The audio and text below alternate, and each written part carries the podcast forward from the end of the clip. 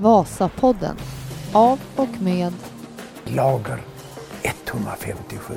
Glöm aldrig de siffrorna. En etta, en femma och en sjua. De är magiska. Är det någon folk i Grönklitt nu då? Eller? Ja, men det är det. Det är det. Det är jättebra bokat i stugorna. Så att, eh, Men det blir ju som, det bor ju ganska få personer i varje stuga. Det är det vi märker av. Att det är inte lika mycket folk ute i backar och spår som, som det brukar. Men eh, mycket folk som bor i stugorna, det är det absolut.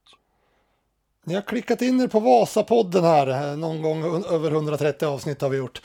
Ni hörde Marcus Laggar, vallachef eh, till vardags, jag säga, men i alla fall, eh, ja, det kan man säga, i, i teamet och eh, sportchef i Orsa Grönklitt. Eh, eh, Med. Välkommen till podden. Du, var ju med, du har ju varit med till och från, men det var ett tag sedan du satt så här och skulle podda, va? Det måste vara före, före vintern. Ja, det var lite så små inhoppar. Nej, nog var det ja, innan jul någon gång kanske. Ja, precis. Vi hade varit i Torsby, då var det. Så, ja, stäm, ja, det kanske var sist. Jag tror det. Jag skulle upp till, till uh, Bruksvallarna där och premiären. Ja, just det, det stämmer. Kanske var efter den där Vasaloppskvällen i Torsby då. Det kan ha varit det. Det kan ha varit det. Ja, men nu är du Tiden går fort. Den gör ju det. Den gör ju det.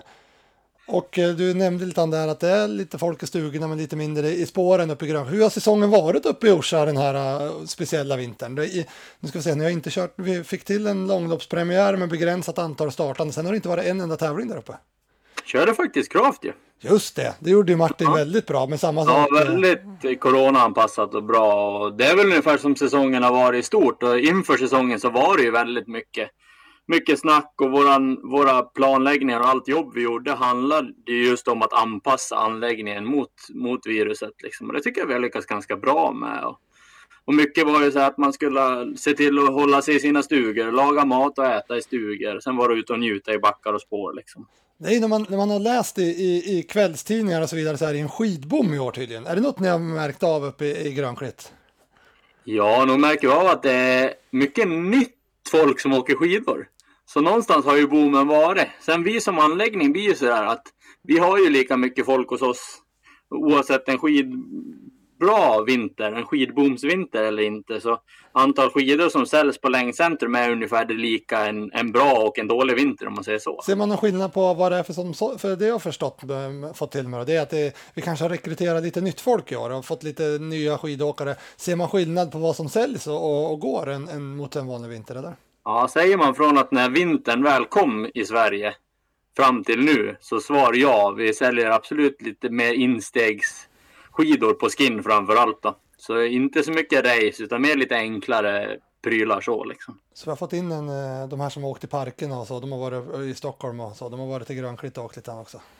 Ja, och det som är så roligt nu är att man märker när, när snön, nu har inte snön försvunnit, man har fortfarande fått fina bilder från Stockholmsområdet där de gnetar på och håller spåren fortfarande i fint skick. Ja, det verkar som att de har dem igång ja, där nere. Ja, det är imponerande. Men det man märker är att nu börjar de här människorna tyckte det var roligt att åka skidor. Så de har ju letat sig upp till oss nu de här veckorna efter sportlovet. Vi har ju haft en hel del lektioner nu i veckan, veckan som har varit och även i början på den här veckan med folk som har börjat åkt skidor i år. Liksom. Så det är en ny, ny, ny skidåkare som har kommit in i, i branschen, vilket är jätte, jätteroligt. Det behövs rekrytering. Då ska vi förvalta det. Vad är det för, vad är det för nu, nu får du vara expert för hela, men vad är det för ålder på de här nyrekryteringarna? Är det yngre eller äldre eller en blandning? Just den här veckan så har vi väldigt mycket äldre. Väldigt mycket pensionärer som har börjat åka. Det tror jag mycket är att det är en sån vecka hos oss Ja, också. ja. Men förra veckan var det en hel del yngre. Mycket så kompisgäng som istället för att jobba hemma satt sin stuga och jobba i Grönklitt. Och då pratar vi ju allt från åldersspannet eh, 25 till eh, 35 skulle jag säga. Det är de om vi ett par, tre år ska, ska lyfta in på stakskidorna då. Exakt, exakt. När det man märker att det är folk som förut har hållit på med andra former av träningstyper. Som har köpt sig ett par skidor och verkar ha fastnat rejält för det. Så det är jätteroligt. Ja, det är eh, det, det, och det är väl något man, eh, för vi har ju diskuterat det här mycket och det känns ju som att liksom den här, eh, om man får kalla personerna som åkte Elitvasan och strax därunder, alltså elitmotionären och kanske till och med lite bättre ändå, de har ju varit kanske mer driven än någonsin i år. Samtidigt som den här, Eh, strax därunder, den som, inte får, den som vill tävla på Vasan men inte fick, kanske om man är ett, två, två och ett halvt tusen på Vasan och så, de kanske har fått en lite, lite liksom lugnare vinter, men sen nästa person, alltså nästan eh, motionären eller nybörjaren, de har ju tagit, de, de har ju blivit många, många fler känns det som. ju. Ja, verkligen. Så det, här ska bli roligt att se hur de tacklar en fortsatt skidkarriär. Jag tror många av dem kommer att stå på Vasaloppsstart inom några år. Ja, och så hur vi, hur, hur vi liksom får tillbaka de här som faktiskt har klivit åt sidan i år när det inte blev några lopp, när det inte blev några Besseme och ja, Besseme vart det faktiskt. Men det var också. Ja, det men, finns många som ja, har gjort bra ja, jobb alltså. Men alltså när de som inte fick åka de där loppen, hur vi ska försöka vinna tillbaka dem där till så att de ska tycka det är kul och motiverande att ge sig ut i, i skidspåren och, och utveckling och, och Vasaloppet vidare. Det blir, det blir en tuff det blir nog en tuff um, tid att för oss och hela branschen att liksom komma tillbaka på, för, på köl och få med allihopa igen på något sätt. Ja, det kanske är så. Ja, jag vet inte, det, det återstår väl att se. Det, troligen är det väl inga större bekymmer om det blir eh, vinter och tävlingar nästa år, men fortsätter det då tror jag vi kan ha, måste rekrytera in ännu mer nytt. Ja, exakt. Och tävlingar och sånt, det tror jag det kommer att bli. Bara alla har fått sina två sprutor i armen. Däremot så tror jag ju att väldigt mycket motivation kring dessa människor kommer att styras om att finns det skidförhållanden nära, ja. nära där man bor för att få upp intresset igen. Liksom. Det var ju inte fel att det varit en vinter i Stockholm och Göteborgs områden, till och med i Malmöområdet några veckor i, i, i vinter när, vi, när det har varit tufft på andra sätt för branschen. Så att säga inte. Nej, verkligen. Och det är ju skidbranschen har ju varit lite knackig sista åren. Eh, så att det här var väl precis det som behövdes både för leverantörer och butiker att få, få sälja ut lite grejer. Så ja, det är kul och sen framförallt få in, framförallt få in nya skidåkare i sporten. Ja, men precis. Ja, vi får se. Det, det är en spännande Spännande eh, tid som väntar brukar jag säga och det får man väl säga om det här också att det finns eh, saker att eh, se positivt på, helt klart, efter det här också. Helt klart, helt klart. Men hur ser vi på Granklitt för tillfället då? Um, hur mycket snö har vi och vart, hur, länge har vi, hur länge kan vi fortsätta gneta där uppe? Vi har ju i grund ett vårvinterläger här och det är ju inte i närtid utan det är ju sista helgen i april, första helgen i maj där. Hur ser vi ut på det? Ja, just idag här utanför så kvittrar ju fåglarna och det är riktig vårkänsla. Solen värmer så det nästan droppar lite från taken och det hade vi här för någon vecka sedan och så försvann ganska mycket snö och sen frös det där på. Så det blev ju faktiskt jättefin skaråkning innan Vasaloppet. Det är lite ovanligt. Ja. Men sen efter Vasan här, nu då kom ju vintern tillbaks med både kyla och ett par decimeter snö. Så det är ju full vinter där uppe igen och fantastiska skidspår. Full vinter och fantastiska skidspår. Hur, eh, om man nu tittar på mitt läger, den är ju lite egoistisk. Hur ser vi, Nej. har vi en konstnärbädd under som vi kan lita på i någon månad till eller? Om det ja, den är rejäl, så det finns det absolut. Och den har inte börjat tagits på än. Utan det är fortfarande mycket natur, natursnö ute i så du, och... Så du är hoppfull på sensnöläger här då? Absolut, absolut. Spännande. Hur, nu är det lite mellanveckor och sen blir det påsk och så sen eh, klappan igen. Ja, det är ju öppet uppe i Grönklitt även eh, påsklovet i år. När påsklovet är här då. Så vi stänger ju alltså den 10-11 där. Den helgen, då slår ju backar igen. Sen däremot så spårar, brukar vi alltid fortsätta spåra. Så i stort sett så länge det bara går. Om, om man det har ju varit en bit in i maj sista åren. Ja, och, och då finns det, ja just det, det är öppet dygnet, året runt eh, boende. Så, så får man för sig och märker att det är åkbart där i maj, då är det bara att boka in sig eller?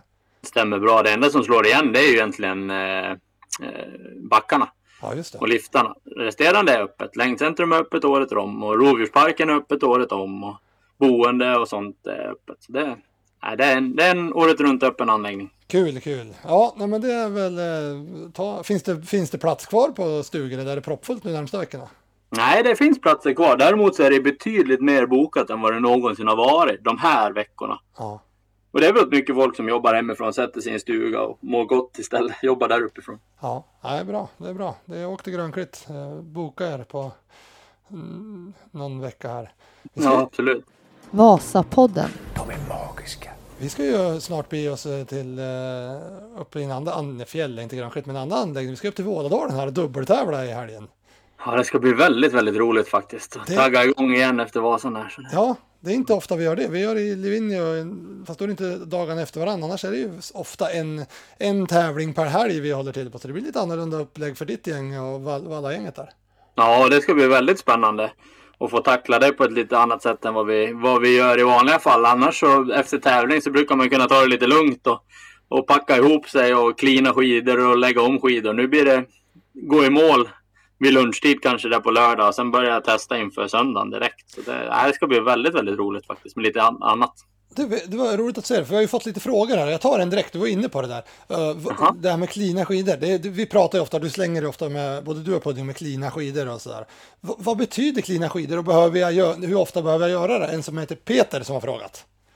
Rengöra sina skidor, det behöver man egentligen göra efter varje gång man har tävlingsvallar dem. Så varje gång du har bränt in pulver i en skida så gör vi alltid rent en skida.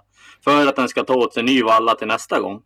Alternativt om man inte är på den att man tävlar så ska man göra rent skidorna då, då, då belaget har dragit åt sig smuts. Då. Men hur gör man det här egentligen? Alltså, använder man så här gult paraffin och varmcyklar eller hur, hur gör ni? Vi använder en produkt som heter Glidewax Cleaner som du är här på skidan och så låter du det torka. Då får du liksom nytt fräscht belag. Du stålborstar det en fyra, fem gånger och sen lägger du på nytt paraffin. Finns på Youtube tror jag. Att vi har ja, det gör det. Ja, stämmer, stämmer. Där, där kan ligger där. Och det är det sättet vi jobbar på. Men det här behöver man inte göra för varje träning eller så? Om man, om man... Nej, det skulle jag säga efter, efter en tävling. Eller ja, efter när skidorna, man, man ser att de har blivit smutsiga eller börjar glida dåligt. Är det samma, samma, alltså nu, nu har vi ju faktiskt tävlat några gånger i år på, på, för det här tänker jag att eh, det är mycket, man, man vill ha bort eh, fluor och så vidare också, men, och skit förstås. Men det här gör man på samma sätt på fluorfria produkterna också, jobbar med den där. Ja, det stämmer, det stämmer. Men visst är det fluor i den där, kanske blir det fluorförbud någon framtid så måste man göra om den då? Det är faktiskt inte fluor i den Nej, det är nya. inte det. det, är inte den vi har jobbat med förut är det fluor i, men nu är den fluorfri. Märker man någon skillnad på det? Hur, hur, hur... Nej, nej, inte alls. Det blir samma, samma rena yta utav den här. Så. Nej. Och den tar åt sig valla lika bra sen, belaget. Så det, nej, det ser vi ingen skillnad i. Och det här har att göra med, för nu, det här har att göra med hur, att, för att vi vallar ju upp kanske ofta två par skidor till, till varje åkare inför tävling och så. Uh, och det är inte åkningen i sig som gör att, ska, att man ska klina den, utan det är produkterna. Alltså det här gör ni även på skidorna som hamnar vidare i bilen och inte med ut på tävling. Ja, exakt. Nej, du vill ta bort den vallningen du har gjort. Liksom. Sen blir det ju, det märker man som efter Vasan nu, liksom, när, du, när du gör rent skidan, ja då blir det ju smuts, smuts som försvinner också. Men du gör ju även det på skidan som inte ens är åkt på. Och det är för att noll, nolla skidan, nollställa skidan och få den, få den ren och för att ta åt sig nya, nya produkter till nästa race. Ja, Bra, då fick Peter, och Peter har en fråga till, vi tar den på en gång. Nu var vi... Kul med frågor! Ja, ja det har blivit ganska, det här är under sommaren som kommit, eller vintern som har varit, sommaren som har kommit. och han frågar också här, Peter frågar angående uh, Uh, nu åkte vi på, men TS blå uh, och TS gulblå, det är de vi oftast kör på. Uh, ja. Blågul kanske ja. ja, skitsamma. Uh, och skillnaden på dem där, är den ena en blöt struktur och den andra en uh, kall struktur? Så enkelt kanske man inte ska säga det? Eller? Nej, och jag skulle säga att båda dessa strukturer är egentligen ligger väl i allround-facket. Liksom. Så båda är ganska allround. Där det kanske den blåa såklart är lite mer, lite mer åt kalla hållet och den gula, gulblåa är lite mer åt varm konstnärhållet. Då. Det, det här nu... Men egentligen två olika strukturer. De är inte ens lika byggda om man säger så. Då. Och ni som är väldigt eh, på det här nu, ni vet ju att, eh, att eh, och det vet eh, på Vasan så hade vi folk på båda. Eh, och eh, vi, de där manipuleras ju åt olika håll så att säga, så man kan ju manipulera dem väldigt nära varandra om man vill. En åt ena hållet, en åt andra, eller visst kan man jobba så? Ja, det är helt sant och det var precis det vi gjorde på Vasan. Då den blåa, egentligen lite finare grundstrukturen då den manipulerar vi med en rill som är ganska vass. Så att den går ju åt det, det varmare hållet i att man, man manuellrillar den. Och den blågula egentligen som är lite grövre i grunden. den la vi en finare manuell rill på. Så de där möts ju egentligen någonstans. Då. Men du, det, det, här tycker jag är intressant för att eh, när vi testar och, och så här och, och, man vet ju hur, hur branschen är och liksom vilket tryck det är på valla och så. Det, det är ju jätteviktigt. Och, alltså man kan ju gå bort sig på valla i Norden. Men är inte lite under värderat det här med manuellt eh, rill och manuella strukturer? Jo, jag tror alltså branschen i stort har ett litet jobb att göra där och även vi kanske att förmedla det på ett bättre ja. sätt. Hur man jobbar där, för det är som om man tar Vasan som ett exempel nu så kan jag vara, alltså du ska gå väldigt, väldigt fel om du ska gå bort dig på just produkten valla i det typ av förrätt. Liksom. Men... Där man får väldigt, väldigt små, små skillnader mellan olika typer av produkt. Däremot så ser vi ju själva att beroende på vilken rill du lägger så kan du få väldiga höjningar och även väldiga sänk sänkningar. Så det gäller att träffa rätt på, på val av skida, grundstruktur och manuell rill. Det är där det viktigaste ligger. Sen har du ju vallan absolut som är viktig för att få skidan att hålla hela vägen in. Men med just val av toppingprodukt i det här fallet, eh, som på Vasan spelar det nog mindre roll. Sen kan det spela mer roll i vissa före när det blir riktigt, riktigt blött eller om det blir väldigt kärvt. Då. Eh, det var någon här också som frågade, nu trycker jag på min telefon samtidigt här på Insta, som frågade på vallarapporten, för vi, vi gör ju en scenkorrigering där, gör vi va? På, på pulver till eh, eh, och varför man gör en sån grej. Vi, vi går ju 44-7, men det var inte en scenkorrigering, utan det var vad hade vi innan? Jo, vi hade 44-7 dagarna innan mm. också. Men mm. vi, vi testade ju där och vi hade ju en 21 med och, och sådär. Hur, hur stora skillnader är det på de där pulver, pulverna som vi tar Vasan nu, det många har tittat och varit med och så vidare. Hur stora skillnader är det i pulver om man hittar rätt i sin fabrikat? Alltså, för det finns ju ett par, tre skig och pulver som är ungefär lika eller? Exakt, och går vi tillbaks till första testerna som vi gör där torsdag, fredag. Ja, men då hittar vi ganska stora skillnader. Det är då vi testar sådana här ytterligheter. Vi testar riktigt kalla produkter, vi testar riktigt varma produkter och sen har vi ju våra våra favoriter i N21 och de där som vi har som referenser hela tiden. Och man inser ganska fort att extremt kalla produkter och extremt varma produkter, det kan vi redan nu slopa. Ja, för man tittar ju på. På fredagen, det kanske är det mest relevanta valla, i, i, valla-rapporten vi gör, det är vi ofta då många vallar. Då har vi ja. en 21 och sen hamnar vi på 44,7. Uh, eh, hur, uh, har vi lurat dem då tycker du? Nej, och sista testerna vi gör där på lördag och även på tidigt morgon söndag så har alltså vi, vi pratar om att stora skillnader på ett glidtest på våra testserier, då är det liksom en skidlängd som vi säger i, i vårt fall räknas vi som två meter. Då kan vi liksom säga en meter, två meter, då har vi skillnader i det före. Men på produkter så pratar vi liksom fötter, halva fötter. Så det är liksom, det är ingen skillnad som varken vi, våra åkare eller elitmotionär eller motionär skulle märka. Så, äh... Mellan C44 7 och N21. Sen finns det ju produkter som var bättre och sämre, men just det där vi har, vi har diskuterat så är det ju väldigt mediumgrejer som går. Precis. Ja, uh, här Johan har frågat också. Uh, jag ser ofta på bindningsposition som ni rapporterar att ni ofta står minus 1 eller minus 2. är det ofta bättre än något snäpp bak. Börjar fundera på detta då jag upplever att mina DP Sprint kan nypa fast i främre tryckzonen när jag stakar i hög fart på flacken. Beror förstås på bana och före och så vidare. Eh, men finns det någon riktlinje? Känns instruktivt som att något snäpp bak kan vara bra om det är mjukare snö slash spår. Um... Han är helt, helt, helt rätt på det. Och det vi märker där det är att när du flyttar bakbindningspositionen lite egentligen oavsett före och det var våra åkare säger så får man en lite, lite lenare, lite halare, lite godare känsla på skidan i att ha den på minus ett, minus två och i vissa fall kanske till och med minus tre. Hörde du på ja. senaste Vasapodden när Karlsson säger att han kanske inte skulle ha stått minus två utan längre fram för att skidan blir, när det går så, när det är så hårt och det blir isigt, att den upplevs nästan lite sladdrig.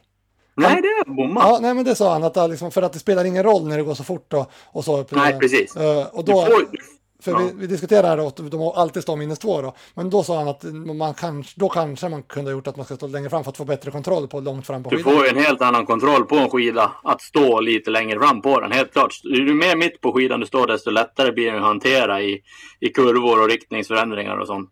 Vilket var ganska mycket av i Vasan i år. Och står du lite längre bak så kanske du får en lite lenare känsla. Men däremot så mycket som vi har testat i bindningsposition från plus 3 till minus 3 så kan vi säga att glid, där skiljer det ingenting på skidan. Utan det är mer en känslogrej och hur den blir att hantera. Men det som är lite roligt här då, när första DP-sprinten kom, då står vi alltid minus två. Och så förmedlar yes. du detta till Fischer och då gör de om skidan och flyttar bak hela skidan. Eller hela ja. ja. Och nu i vår, då när du ska sätta dig på möte med dem, då ska du säga att vi står minus två igen. Så då står vi minus fyra på den gamla skidan. typ. Nej, men jag tror att vi har hamnat ganska rätt nu. Nu, kan vi, nu står vi redan bakspann på skidan. Ja, just det. Så vi, men ja. nu kan vi manipulera lite. Förut så stod du så pass långt fram på den, så även fast vi stod minus tre så kanske du inte var tillräckligt långt bak. Så du tror inte Fischer kommer flytta bak tyngdpunkten ytterligare nu, så vi snart står på längst nej, bak? Jag tror, nej, det vill vi nog inte att vi ska heller. För då blir det för mycket tryck bakom hälen och då kommer skidorna att dö. För då kommer de att, det kommer att slita för mycket bakom hälen. Man märker gränsfall nu på vissa fören vi åker att det blir väldigt slitet bakom hälen. Vilket när vi står lite längre bak. Ja. Men du, kan det vara i, i, att man flyttar fram sig någon gång i stakning eller? Alltså plus? Mm, nej, det skulle, i så skulle vi flytta bak spannet ännu mer. Men ja, nej, jag skulle ja, inte säga inte plus i något läge. Nej. Uh, men däremot om man åker fäste kan det vara fördelaktigt att sätta sig. Absolut, och vi speciella förhållanden för att få lättare att få, få enklare att få ner skidan i backen. Så då, då finns det en stor fördel med att kunna flytta fram i, i vissa fören och vissa förhållanden. Men det där är väl egentligen bara att testa sig fram. Det finns ju ingen rätt och fel. Eller ja, vi, vi upplever men, äh, att man ska stå en liten bit bak. Men det är ju ingen fara att testa sig fram i det där. Liksom, och Nej, och det har vi väldigt mycket som vi pratar också. Där ska vi nog inte låsa oss, in, inte ens i våra team där alla åker så pass lika. För det kan nog skilja lite åkstil där också beroende på vart du lägger tryck, vart du ska stå. Är du mycket fram på fot eller står du mycket på häl? Och det där är bara att testa sig fram. När tycker du att skidan känns som skönast att staka på? Gå Precis. på det. Precis. Ja, Johan fortsätter med frågor här. Uh, om man har ett par TP Sprint som enda stakskida, vad bör man komplettera med uh, för att klara sig i flera fören och snötyper? En till DP Sprint med eventuellt annan grundstruktur. Uh, en vanlig DP har även en 902, alltså en, en, en klisterskida kan man säga, som kanske funkar lite varmare fören? Frågetecken. Ja, bra fråga. Jag skulle ju säga att så som förhållandena har varit för oss i år när vi har åkt väldigt mycket fin snö, väldigt mycket ny snö som har kommit in inför loppen och det har varit sådär. Så då skulle jag säga en till DP Sprint. Skulle vi vara där vi var förra året, då vi åkte väldigt mycket konstsnö, väldigt mycket omvandlad grov snö. Då skulle jag väl haft en DP Lång med i det fallet också. Ja. För det var ju det vi upplevde förra året, att när vi fick före där det blev grov, grov, ganska omvandlad snö så att du får in luft i snön då gick ju våra långa DP-skidor väldigt, väldigt fort. Precis. Så äh, inget, inget rakt svar på den frågan. Är det som i år så skulle jag haft en till DP Sprinter. Var det som det var med förra året då skulle du haft en DP Lång istället. Om, om du skulle haft en till DP Sprinter ska du ha, ja det är onödigt att ha samma struktur på. Eller då ska man ju ha... Nej, de är så pass lika gjorda så då skulle man väl haft en, en, en med allround och en med lite grövre. Precis. En med TS blå och en med blå, blå gul. Precis. Jajamän. Precis. Men det är ju det, det är en bra fråga. Svar menar jag. Ja, bra. Sen har vi någon här också. Du med 902 får du gärna nämna här också. För det, det är alla, du brukar ofta prata om den och det, det pratar du ju gott om också. 902, en, en, det är en klisterskida. Det är också, den ska han behålla, tycker du?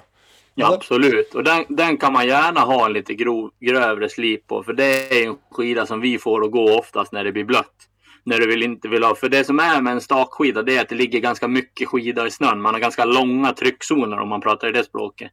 Och på en klisterskida då, då, då får du ju ner tryckzonerna som gör att det finns mindre skida i snön, vilket är positivt när det blir väldigt blött och väldigt smutsigt. Så det tycker jag absolut du ska behålla och sen jobba med det när det blir de, de förhållandena. En sån skida blir inte lika skön att staka på. Du får inte samma känsla i den, men däremot så kan den ju glida väldigt, väldigt fort och det är det vi väljer skidor på. Oftast att snabbast skida är bästa skidan. Bra.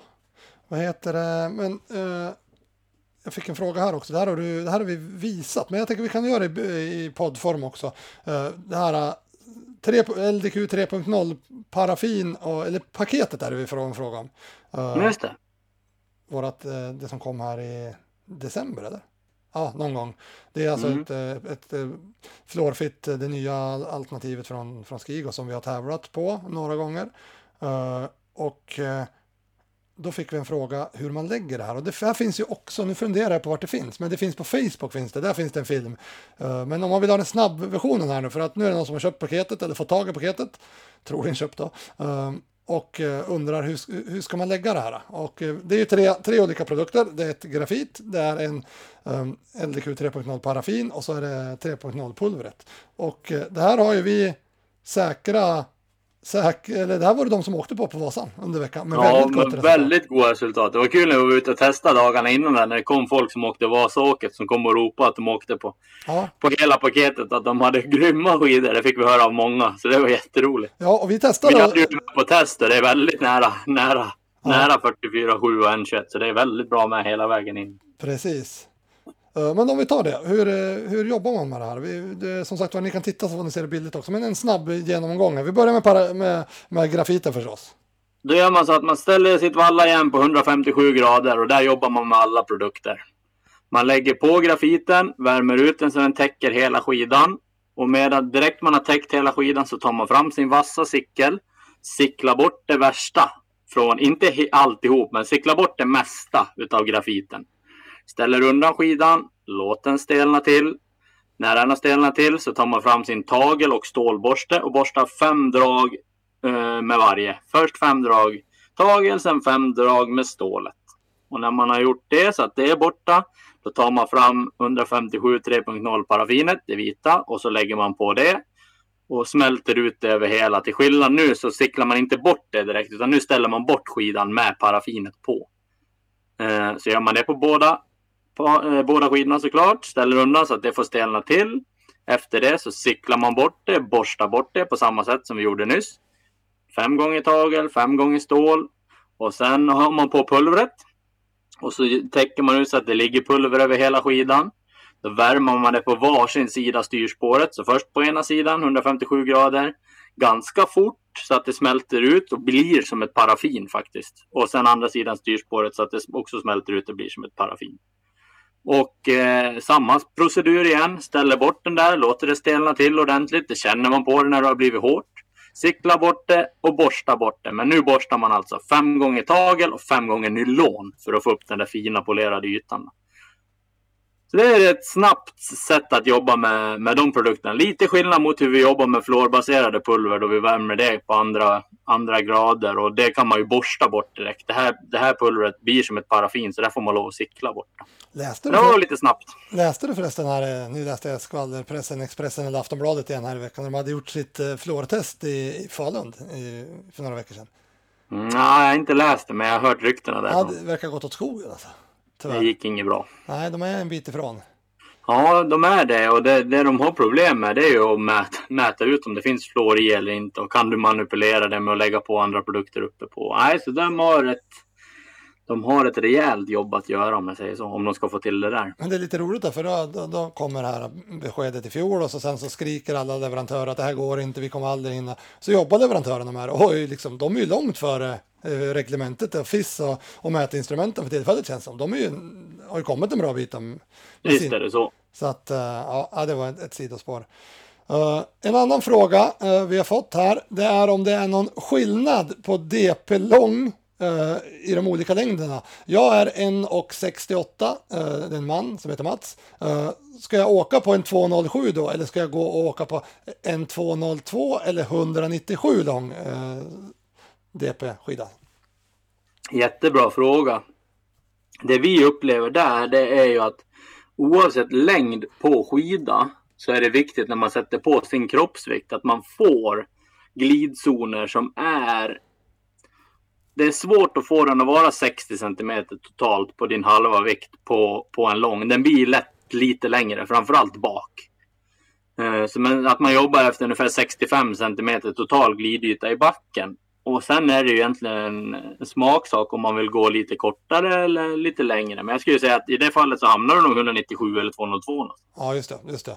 Men det, det, skulle man hitta en 207 som passar så är det inget som säger, talar emot det mer än att, att den- Nej, det enda som blir är att den blir lite längre och en Ja. lite längre skida kan ju upplevas lite klumpigare. Men ofta så står man ju bara i ett spår och ska staka rakt fram. Så det är, ja, jag skulle inte säga att det är någon jätteskillnad så, men det viktigaste är att man hittar en skida som är anpassad efter vikten. Eh, en fråga här. Den här, är- den här är lite längre sen. Den här fick vi i september av en kille som heter Peter tror jag. Eh, jag har ett par skateskidor som alltid glider bäst. Uh, uh, jämfört med mina DP-skidor. Ska, nu har han säkert åkt den här vintern så nu har han kanske har svaret själv. Vågar jag åka på dem? Jag eh, har för mig att ni pratat tidigare om att det kan vara ett ohälsosamt uh, slitage på uh, skateskidorna. Hur ska man tänka en, där?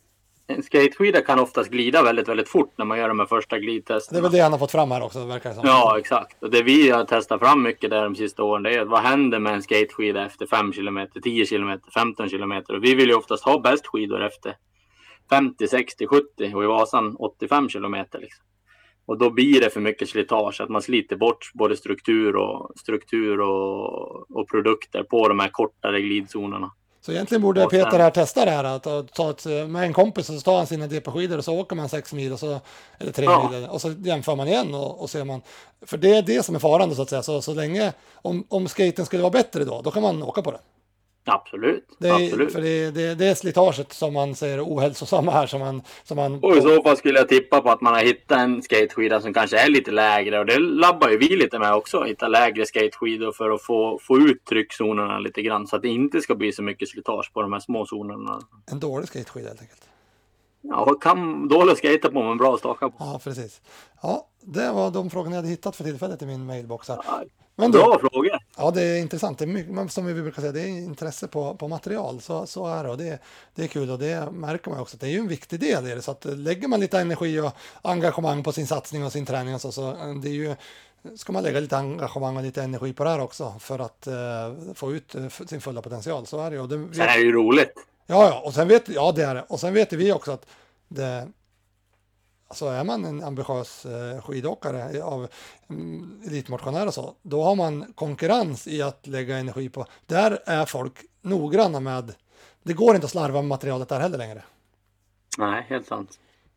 Så nej, det är bra. Men du, åter till eh, dubbelhelg här nu då. Hur, vad har du för, för känslor i, vad, vad, som skillnaden blir nu då? Istället för att som du sa, klina och vila så blir det klina och jobba på, på lördagskvällen då? Ja, det ska bli riktigt roligt att se vad, vad, vad framförallt vad det blir för förare och det kommer ju kanske bli lite olika typer av förare för den ena, ena banan ska vi upp på, på fjället två vändor och, och banan på söndag ska vi hålla oss nere kring Vålådalen. Så jag tror att där kan det bli skillnader också. Hur är förhållandena uppe på, på ovanför trä, trägränsen och hur är förhållandet nere kring Vålådalen? Nu har jag haft lite kontakt med grabbarna som har gjort lite, eller lite tester på skidor och grundstrukturer här under veckan. Och det verkar vara ganska lika före både upp och ner just nu, men det kan hända grejer. Tittar man på, för Tittar man vädret nu i Vålådalen så är det ju en fin fredag, minus 10 på morgonen. Sen blir det inte så kallt på natten till lördag. Nej. minus 1 vid start eh, för tjejerna där, så det är ju ingenting. Gå ner mot noll där mitt på dagen, inte, inte lätt. Eh, så det var, sen går man i mål på lördagen. Sen så ser det ut som att lördagsracet kommer bli en sällskapsresa i snöfall och en masspurt. Jag såg det. Eh, 10-15 centimeter snö på YR i alla fall. Ja. Jag tror den roliga grejen för oss på, på lördagen som också kommer att bli lite annorlunda, det är att det är så långt. Eftersom att vi är inne i en vårperiod nu och det är ganska långt mellan damernas start och herrarnas målgång. Så där kommer vi få lov att tänka till lite på testerna vi gör redan på fredag. I vilken tid på dygnet testar vi grejerna? När ska vi testa åkarnas skidor? Och det har vi ju lagt en plan för, för att testa damerna lite tidigare och herrarnas grejer lite senare. Ja, Jag tror att det, det kan skilja ganska mycket om, om, eh, om solen skulle tränga igenom. ja precis. Ja det, ja, det blir spännande som sagt var. Det blir det. Och sen, Ja, det, det sen- blir det verkligen och framförallt lite annorlunda. Sen ska vi tillbaka dit och åka 10 mil eh, lite senare. Och det är ju inte så mycket längre än, än 9 mil kan man säga. Men det blir lite skillnad i att vi ska upp på några fjäll och ner i några dalar och sådär. Hur, det kommer också bli en häftig utmaning på, alltså då pratar vi om två veckor nu då, eller en och en halv vecka. Ja, det blir det verkligen. Dels att det troligtvis kommer att skilja förhållanden på snö, uppe nere. Och sen också att det blir också att vi åker inte bara fem mil som vi gjort på Årefjällsloppet förut. Utan där ska vi vända, så då kommer ju slitaget in på ett helt annat sätt också. Liksom. Men det tänker jag, det måste ju vara av, av liksom akademisk, för vi åker 9 mil i liksom betong på Vasan, det måste ju vara mer, nu, om vi tänker att det är v- vinter och, och, och fjällsnö, det, slitaget lär ju inte bli lika hårt där, eller hur tänker du? Nej, men det, det med jag tänker där, det är ju om man tänker struktur. Liksom. Hur, Ja. hur hårt kan du gå? Hur grovt kan du gå Ja, för att inte ja. gå för tungt på topparna? Hur mycket av det kan du slita bort så att det kanske inte går tungt efter sju mil? Och hur mycket struktur måste du ha kvar när du kommer ner mot Vålådalen och ska avgöra loppet? Där, där kommer det att bli lite eh, att testa fram. Men det ska bli, ja, det blir spännande. Ja, som sagt var, det är... Slitage på produkten är inte jag orolig för. Det vet vi funkar. Det är mer, mer val av struktur och hur grovt kan man gå? Ja. Eller hur fint måste man gå? Ja, lite fjäll, eh, ja det blir lite, lite, mm, och det här, ser ju, det här blir ju inte konsttävlingar, det, så är det ju, det här är ju fjäll och fin snö och så vidare. Så, så vi kan nästan säga från och med nu att det här året varit väldigt speciellt. Vi åkte fin, förutom Vasan, där det också kom lite lite snö, men annars har vi åkt fin, fin kornig snö varje tävling hela året. Ja, det har vi faktiskt. Ganska kärvt. Ja. Ja, Nej, det känns som att det har varit vi- vinterförhållanden hela tiden. ja, faktiskt. Faktiskt så är det så. Jag sa det till någon, normalt sett när man brukar åka hem från Marcialonga och Tjeckien, då har man liksom mött våren. Ja, Men det gjorde vi inte i år. I år var vi i- vinter hela tiden. Liksom. ja så, är, så är det faktiskt. Eh, Ja. Spännande att hur, det- hur det kan slå på olika sätt. Ja, verkligen. verkligen. Bra Laggar, jag tror vi, är det något mer du vill ta upp Sara, när du har ordet i Vasapodden?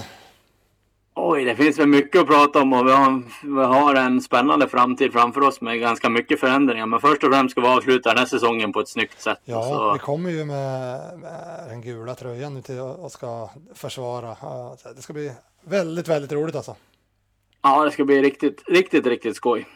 Så, Ja. Kul att göra ett, ett hårt jobb för det de här sista helgerna. Så Verkligen. får vi se då om det, om det blir sista i år eller om, om vi ska upp till Nordnorge en sväng. Ja, det vet, det, vet vi inte riktigt. Vi skulle ha fått eh, besked för det igår, men vi fick inte det. Så vi, vi ligger på halster där och får se om vi ska upp och köra race då också. Men ja, vi får väl se vad som händer. först och främst ska vi tack, tackla Årefjällen på rätt sätt. Det ska bli väldigt skoj. Tre, tre rejäla bat- bataljer i år i fjällen ska det bli. Först Ja, fem- det blir det. 54 kilometer på lördag, Birken 64 på lördag, Ylleslevi och så Årefjällsloppet lördagen efter 100 kilometer. Du, de där 100 kilometerna, jag har hört lite olika. Vad pratar vi för höjdmeter totalt på det loppet? Officiellt är det 2300. Sen tror jag Ja, det är så Ma-. Max Novaks lillebrorsa, han har ju typ flugit upp i eh, varenda topp han hittat, så han fick ju tre och ett halvt han. Ja, för jag hörde tre av någon och sen... Ja, ja, det är väl lite olika vad det sägs men det är ju lite kuperat, det får man ju säga. Ja. Ja. Vasan är väl 1200 va? På 9 mil. Ja, det. tusen typ kanske är på 9 Ja, mil, så det är ju det dubbla av Vasaloppet där ju. Minst. Ja, Så det kommer bli, det kommer bli tufft. Och, det blir bra. Det passar oss. ja, det gör det. Det gör det verkligen. Ja, absolut. Ja, nej, men du, då tackar vi för den här veckan så kommer vi säkert tillbaka med en podd mellan mellanperioderna, mellan första två tävlingarna i uh, Vålådalen och Årefjällsloppet. Så, men fram till dess så ha det fint. Tack och Tack. bock. Nej. Vasapodden. Av och med Lager 157. Glöm aldrig de siffrorna. En etta, en femma och en sjua. De är magiska.